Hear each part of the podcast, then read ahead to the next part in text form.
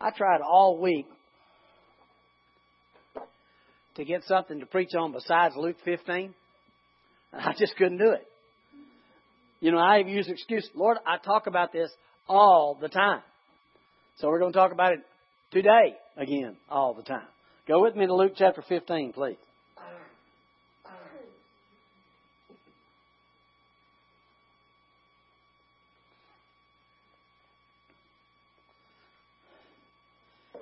To talk for a few minutes on this Father's Day about the prodigal father. See, the word prodigal means to be lavish without measure and without reason. To the point, I don't know that I can say say this word. It's the word, it would be superfluity, superfluous on the other end of it. All the way out the other side. That's our God. He does not, if you watch through the Word of God, He does not just barely do. When He fed the 5,000, everybody ate not as much as they should, but as much as they would. In other words, they were laying on the ground and said, Oh, I can't eat anymore, I'm stuffed. Then they gathered 12 baskets.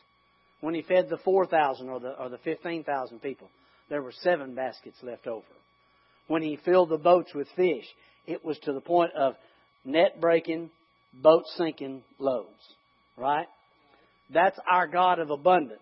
And he's just waiting on us to get up to see this is how he works every time. Amen? So he is abundant. He did more than was necessary. He goes far and above.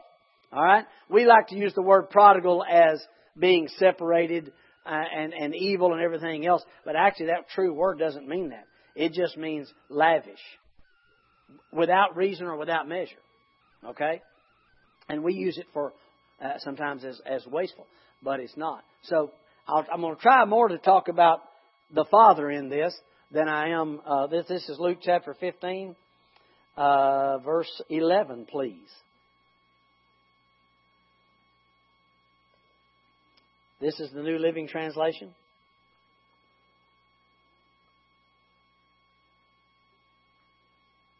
You know, I saw a, a church in Greenville.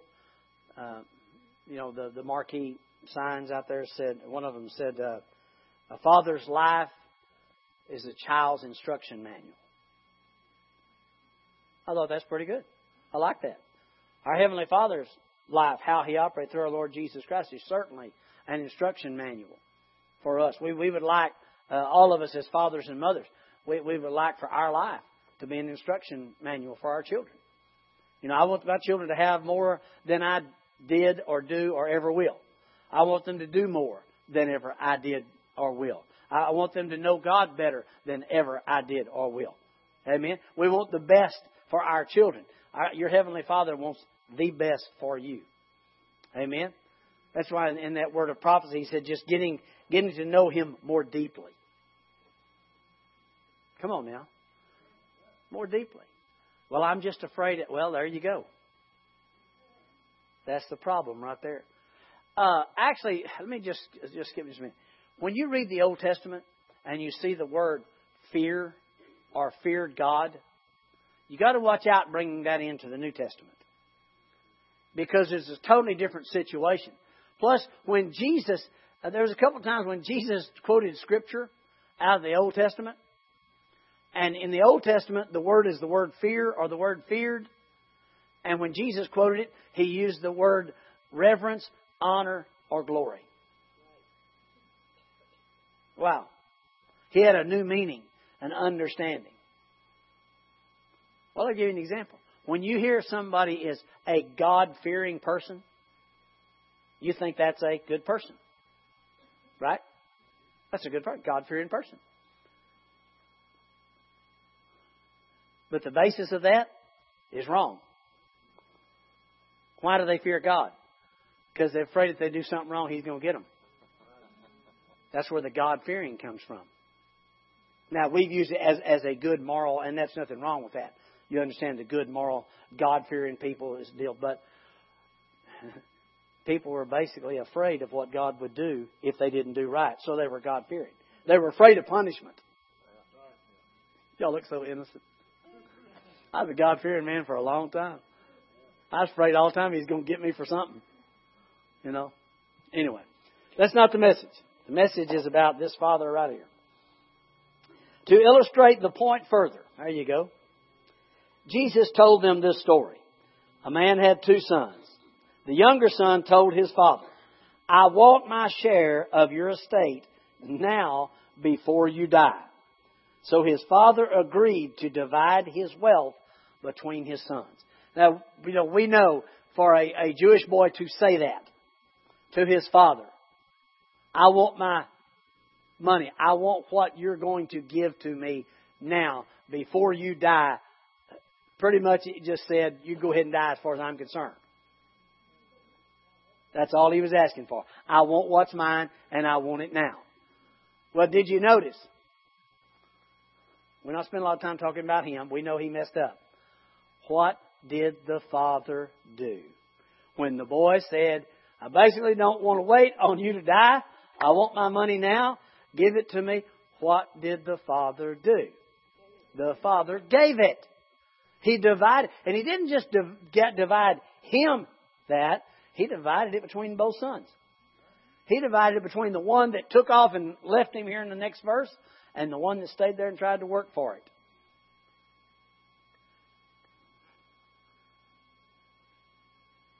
I want to be the type of father, the type of man that my Heavenly Father is represented right here. That you and I don't change because of what other people do, what other people think, what other people say. You are. Jesus Christ is the same yesterday, today, and forever. And when that kid said, I want my money, the father said, All right, I'm going to give it to you. You know, he doesn't give us a long list of the things he required of the young man. He doesn't tell him how you're going to regret this, boy. You know, you can't handle it. No, he just divided it to him. A father's heart toward his children is always. I, I was I was thinking about this going down the road the other day. I thought, you know, I I want to always be where no matter what the situation, that I stay just like my Heavenly Father. I want to be where my children and the people around me don't have to guess at what I'm going to do. See, the reason people don't understand what God's going to do is because they don't really know Him. When you and I get to know Him, we know what He's going to do. See, we don't, we don't, well, I don't know. One time they act this way and one time they act that way. He stays the same. It does not faze Him. See, because, uh, why? Because He is love. And love is strength. Love can let the son say that to him, and instead of reacting, well, I'll tell you what, boy, you have to earn yours like I earned mine. I know you hadn't heard that before, but that's what some people say. Instead of reacting, he responded. See, you react to the situation, you respond from your heart. This father simply responded. I want to respond when situations come all the time. I, I want to be like this father who just simply loved. I'll stop in mid sentence.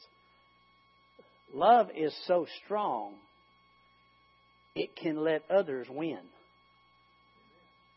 Love is so strong, it can let others hurt them and it not change.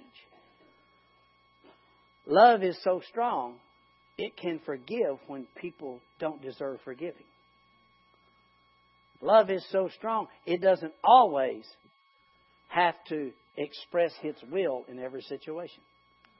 Love is that strong. That's who our Heavenly Father is. That's the picture of this Father right here.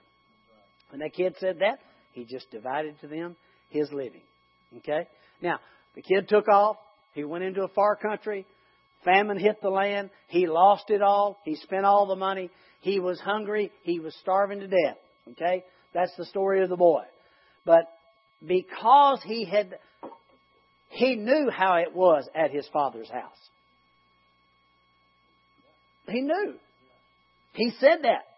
He said, I'm sitting here starving to death. My father's servants are living better than I am. And he said, I'll tell you what, I'm going to go home. I don't know if King James uses it all the time. I think he says return to his father's house in the King James. But I like this one because it kept saying, I'm going home. Three times. I'm going home. As parents, our children always need to know they can come home. Well, not unless they clean up. Well, I don't really want that requirement on me. I'm glad my daddy lets me come home every minute of the day, no matter what. Amen. No matter what. I told you Leslie's not in here this morning. She's down teaching the the, the kids uh, for for Brian and uh, as Brian's gone. But Leslie was living on her own uh, when she was a, a young a young person. She was 18, 19 years old, and she was working a job and uh, working beside this young lady. And, and and this this young lady said, "Another six months, and I'll have the money saved up that I can go back to school and finish." And she was so excited. And Leslie said, "Well, I could go back and finish today if I wanted to." And, and this girl said, "What?" She said, "Oh, I, you know, I'm living on my own. I could move home." And uh, my dad paid for my college. I could go finish up and just live at home. All I'd have to do is work enough to get gas just to run around on. And this girl said, "Let me get this straight. Your parents will let you come home and live there and go to school and finish your education. And all you got to do is get a part time job so you'll have gas to run around on and you're sitting here working 40 hours a week for $7 an hour? Leslie said, Yeah, it doesn't make much sense, does it? And the girl said, No, it doesn't. And within an hour, she called me. She said, Dad, is it okay if I move home and go back to school? I said, Well, of course it is. And in the two days she was home, went back to school, got her education. You got to let the kids come home. That's the example of our Father. This is His deal. Okay.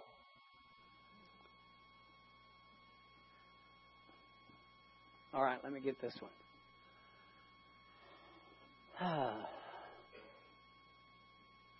I believe in disciplining my children. Now, I am at the point now, you know, I've gone past the lead guide. All I get to do is direct. You know, every once in a while I have something I can say to them that'll help them. But when they're little, okay, you lead them. Please don't tell me you can't handle your two year old. Okay? You can with some kind of discipline. I don't care what the kind of discipline is, that's between you and the Lord, and it will be a blessing. It will not be harmful. Don't believe in hurting children, alright? But don't tell me your two year old won't do what you want them to do. You grab them by the hand and you lead them. If your two year old is stronger than you, something's wrong. Okay? You lead them. When they get up into from preteen on, you start guiding. You come here, mommy. You walk with them. You're still leading, or basically, you're guiding them and you're showing them what to do. And that way, if as a 12, 13, 14 year old, when they try to go the other way, you guide them. That's what you do. It's not that you don't trust them. You do not trust their experience. They haven't lived it. They haven't been under the pressure. Help them with the pressure. Let the, the, the kids their age blame you for them not being able to do some of the things that, you know, oh, my mom and dad won't let me do it. My mom and dad won't let me do it. Yeah, I know it's a bad deal, but they won't let me do it. Let them blame you because you're guiding. And then there comes a time when they're grown and you just get to direct. Every once in a while, they'll turn to ask you. You'll tell them what you think. They may or may not use it, but you get to direct, okay? But our kids, you know, I'll hurry here, but this this is on my heart. Uh, Darlene and I were so young when Leslie was born. I don't know, but how many of you were sure that first one was going to break? You know, when you had that first one, you you thought it'd break. I mean, you were just so, you know, Tara. I mean, just ooh, do everything just right, and and we were afraid she was going to do something wrong.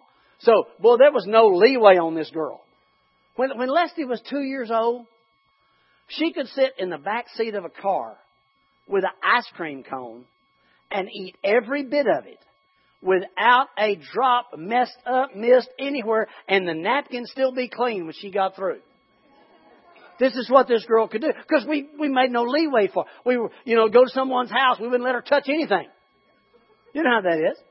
We do all that. You know why? Because we we were just we were trying to be good parents, and so she, you know, she was just. And then Monty came along. It was eh.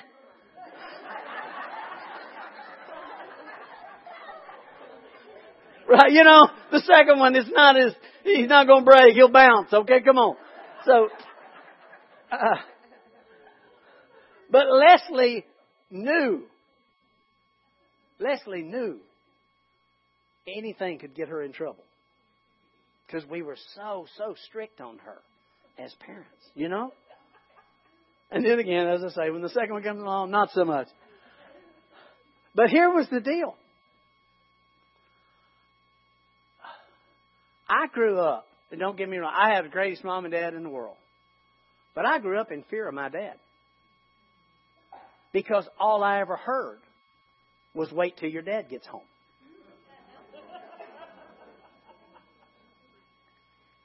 Can I get a witness? Wait till your dad gets home. And even as perfect as I was,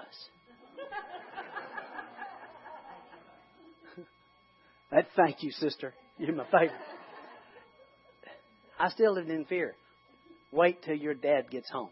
See, I was a firefighter when when Monty was growing up, and it made it easy because uh, Darlene is is not a pushover.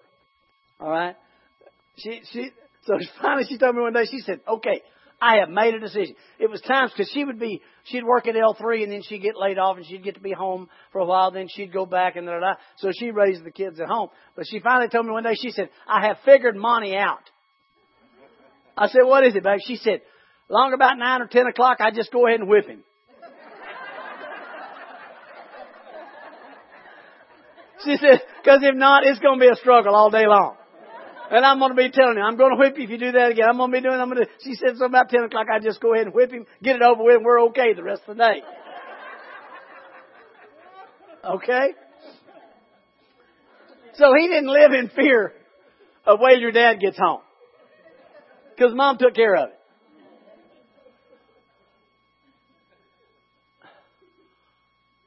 But we have been wrong in telling our, our, our children things like that. Because here's the deal it translates over into our Heavenly Father. Wait till your dad gets home. What does that say in your mind? You are in trouble when you come into His presence. So when it came to our Heavenly Father, it put a thing in our heads and then down in us that we could not come into His presence because He's always going to find something wrong. He's always going to fix something. He's always going to correct you. And we live that way.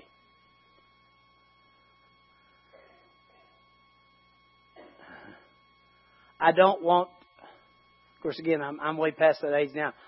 I would not want, and I know there's not a daddy in this place or a mother who would want their child to hear them pull in the driveway and run and hide in their room.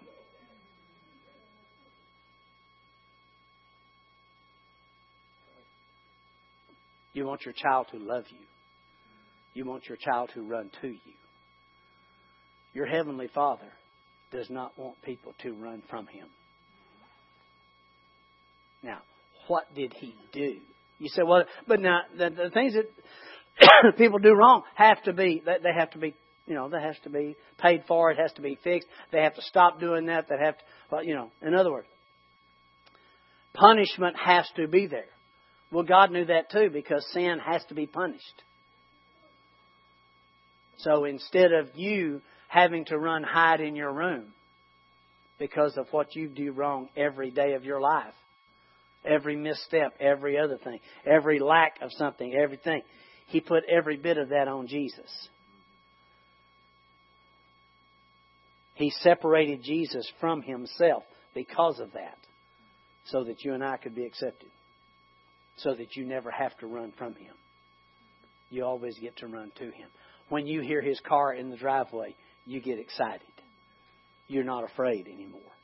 That's the God that you, that's, what is that? That's love. That's how strong love is. Okay? I know I'm kind of getting off, but let's, let's, let me finish this up here. All right. He came to his senses in verse 17. 18, he said, I'm going to go home, tell my father I have sinned against heaven and you. I'm no longer worthy to be called your child. Please take me on as a hired servant. So he returned home to his father. While he was still a long way off, his father saw him coming.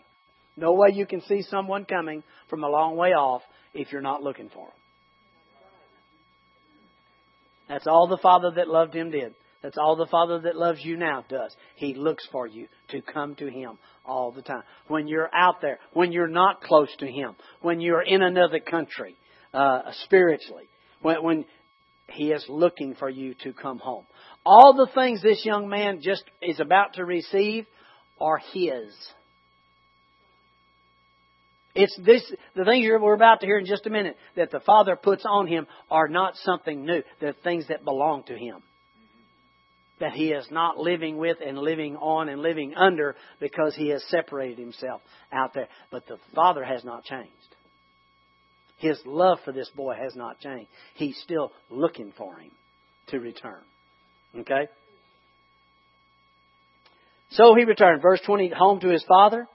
While he was still a long way off, his father saw him coming. Filled with love and compassion, he ran to his son and embraced him, kissed him. His son said, Father, I have sinned against both heaven and you, and I am no longer worthy to be called your son. Now remember, this boy did not feel guilty. We don't get that. He didn't say all this because he felt guilty. He said this because he was starving to death. What was his first thing? My father's servants are doing better than I am. When he came to his senses. Then he made up this story. Now, to get wrong, it's a, it's a correct story. It's correct what he says. But when he comes home, he said, uh, just, just make me a servant. I'll earn my own way this time.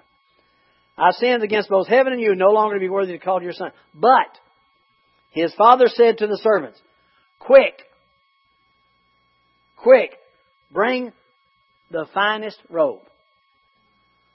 Righteousness. It was his all along. Right? He didn't have to earn it because you don't earn righteousness. This boy was the son of the father. He didn't, he didn't come back earning this. He did not, the father did not say, oh well, he's, he, he's, he's learned by his mistakes now. I'm going to restore him a little bit of time. I'm going to, I'm going to let him get back in. I'm going to, no, he's watching for him. He was excited about him coming. He ran when the boy started giving him his story that I'll come back and earn my way. He said, that, that ain't going to happen around here. You do not earn your way in the family of God. You don't earn your righteousness. The next thing was put, put the robe on him, which is righteousness, put the ring on his finger. Authority. You don't earn the righteousness. You don't earn the authority. It's given to you. He put that on him immediately, and I think what was the next thing? Put the uh, put it on him, get a ring, and kill the. Uh, oh, Father said, "Go back to twenty-two, please." But his father said, "Quick, bring the first, finest robe in the house and put it on him. Get a ring uh, for his finger and sandals on his feet. Sandals always and feet always represent the gospel of the Lord Jesus Christ. You cannot preach the gospel of the Lord Jesus Christ without righteousness and authority. You got to know who you are and what you've been given in order. You got to be walking before you start telling people how good your God is. See, when they see that robe of righteousness, when they see that authority that you've been given, where did it come from? This is my family stuff. I didn't earn this. This was given to me. When he did that, then you can put the sandals on his feet because of that. Now look at the next one. Kill the fatted calf, or, or excuse me, kill the calf we have been fattening. I like that. See, because you cannot prove that he wasn't fattening it just for that reason. It might not have been. Maybe everybody had a fatted calf all the time they were working on. A lot of people do. But this is my time to preach, and I'm using it this way. Why? Because he was expecting. He was expect every day when he was looking at that far away, he was expecting that boy to show up. Okay? Next one, please. For this son of mine was dead, and now he's returned to life. He was lost, now he's found. So the party began. I like that. Meanwhile, the older brother, who was in the fields working, when he returned home, he heard music and dancing in the house. And he asked one of the servants, What was going on? Your brother's back, he was told, and your father's killed the fatted calf, and we are celebrating because of the safe return. The older brother was angry and wouldn't go out. His father came out and begged him. Love just goes after you. You know? I mean, the boy was mad because he had been working. He had paid the price for everything. The other brother had took off and done nothing, wasted all of his money, and this boy had been working his way, everything else, and he's mad because daddy is doing what he's doing. Alright? But he replied, All these years I've slaved for you and never once refused to do a single thing you told me to do. And in all that time, you never gave me one young goat for a feast with my friends. This is the other brother. Now, you know, don't you wish he'd been like Jesus? He could have been the perfect picture of Jesus standing right there. Because the bunch that had gone out and got lost, this boy here was doing all the work. He'd done every bit of it, had done it forever. And he could have just, you know, he could have just said, Really? He's come home. Well, I've, I've done all the work. It's all done. Let's just party. Wouldn't that have been cool? But no. He's going to earn his way. Everybody got to earn their way. See? But if that'd been our Jesus standing there, you know exactly what he had said. Dad, I've done all the work. Let's let's get the boy fixed up again. Let, let's get him going. Let's give him everything that we got. See, but religion never does it. Religion wants everybody to pay their fair share. Jesus paid the whole price. Okay? And then the father told him, he said, Son, everything I've got yours. Now think about that. Watch me close my Bible. Act like I'm quitting. I'm fixing to. Love never said, Have you learned your lesson? It never said, You're going to do better this time, aren't you, son? I can trust you this time, Kenneth. Love never said anything about what that person was supposed to do. Love only said what it had done. Love had provided everything. Love never said, "Look, I I I I, I divided all my living to you guys back then." No, he told that boy. He said, "All I got's yours."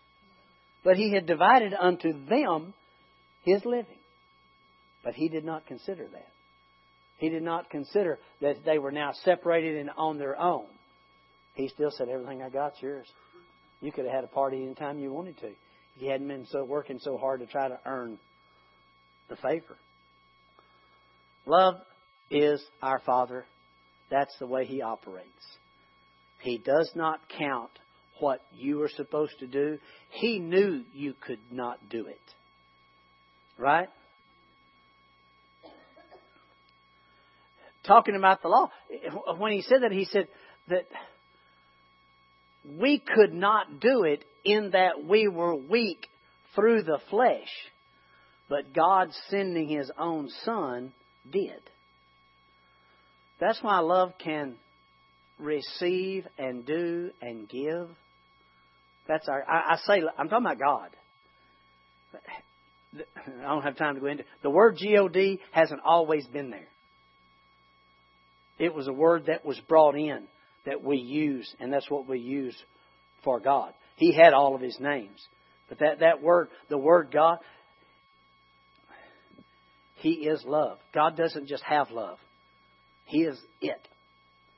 Every bit of love is Him. Every bit of true love is Him. That's who He is. And He does not count what you do. He counts what Jesus did. Why? Because that's what love does. Love says, let me do this for you. That's why as fathers and as mothers, oh yes, we, was it Paul that said, you know, we've had fathers of our flesh who corrected us after the flesh? Shall we not much more listen to the Father of spirits? And the church understood him to say, who corrects us after the flesh? No. He said, we've had fathers of our flesh who corrected us after the flesh. Shall we not much more listen to the Father of spirits and live? God works the Spirit, see. We, we just didn't know. But as, as mothers and, and fathers, Father's Day, daddies, we, we want our children to see the love in us. We, we want them to see the example of our Heavenly Father saying, I'll take care of this. And that doesn't mean they're not going to grow up and be their own person because they're going to. God's put that in them. He, right? Being conformed to the image of His dear Son. Every child of God is that. That it is such an honor to get to be a parent, to love the children, and to not expect. I, I want to be in the place where I'm strong enough that I don't expect anything from anybody. That, that may not fit with you, but I know I understand what I mean. I want to be able to be just like my heavenly Father. To just say, "Cast all care upon me. I care for you." You know what I'm talking about. That's what God's put in us. That's the God that we serve.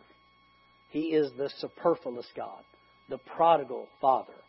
He is the one who blesses you, who loves you, who forgives you now and forevermore. That's who that world needs to hear out there.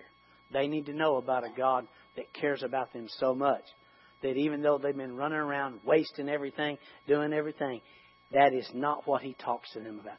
Nowhere did He talk to them about what they needed to do. He talked to them about what He had done. Listen to what your Heavenly Father has done for you. Amen. Let's stand together. Oh, before we pray and dismiss, I, I am going to ask you if there's anyone here this morning, if you've never accepted Jesus Christ as your Lord and Savior, you could put yourself in with that son that was out there lost, even though he, you say, well, I've never been a Christian. Well, God counts it that you are. From what we can find in the Scripture, and I've never, I, I haven't found any other, when it talks about the book of life, it never, we preachers will say, write your name, write my name in the Lamb's book of life, but I have not found that in Scripture. What I have found is that people who never accept Jesus Christ as their Lord and Savior, they have to have their name blotted out. Now, here that's even that's even as far sad as you can get, because you have a loving God who has put everybody's name in that life book, eligible, ready to receive, qualified. Everybody that'll ever live, their name is written. You're, that's just that's like the God that loves you right there. He includes everybody. But the people that don't accept Him, He has to blot their name out. That is sad. Thank God we don't have to have our name blotted out. We can re- we can receive Jesus as our Lord and Savior, and we say, "There we are, right there. See, that's my name, right there. I'm a child of God, right there." Amen. So when we pray here in a few minutes, if you don't know Jesus as your Lord and Savior, remember God's not holding your sin against you. He's already forgiven you. All you got to do is receive it. Amen. But it's something that a, a, a piece of equipment that we want next. I'll be talking later to you. Bill, you, can you pull that picture up? What do you think about that? One, two, three, four. That's what we're believing the Lord for next. That's $4,000. That's a gas run unit, and we get to cart people all around the place with it. So we'll be talking later on about it. So let's pray. Father, in the name of Jesus, we thank you for this day, our time together. Lord, I want to say so much thank you. So many times. Thank you. All the time. Thank you for your goodness and your love to us. Thank you, Lord. You don't hold our sins against us. Lord, thank you that just like that prodigal son, as they call him, all you cared about was him coming home. All you cared about was you being able to love on him and bless him. Thank you. That's, that's the message that we want to tell the world out there that you're a God who loves them, a God who wants to restore everything they've lost because of your love. And we thank you. And Lord, if there's anyone here this day who does not know Jesus as their Savior, I know without a doubt your spirit speaking to their heart right now. I believe they're going to make a decision for you. I believe they're going to say, Lord Jesus, come into my life and be my Lord. Now, if you do that this morning, you're no longer someone who decided to do better. The Spirit of the Lord Jesus Christ will come and take up residence in your life, and you will be created new in Christ Jesus. Child of God now and forevermore, with all the rights, all the privileges, with the robe and the ring and everything else as a child of God. So, Father, thank you again this day. We honor our fathers. Lord, I pray over the daddies in this room, whether they're, they're blood or, or just uh, daddies by, by loving on others. Lord, I just thank you for blessing us, for anointing us to take the love of the Lord Jesus Christ to the people that we daddy, the people that we love on. And Lord, we just thank you this day. We ask you to dismiss us. We thank you that we know without a doubt the best days are ahead. The things that you have planned for us, we receive, and we give you the glory for it. As we leave this place, according to the book of Isaiah, your angels encamp around about us. You keep us, you protect us. We go out with joy. We're led forth with peace. We thank you for that, Father. In Jesus' name, amen.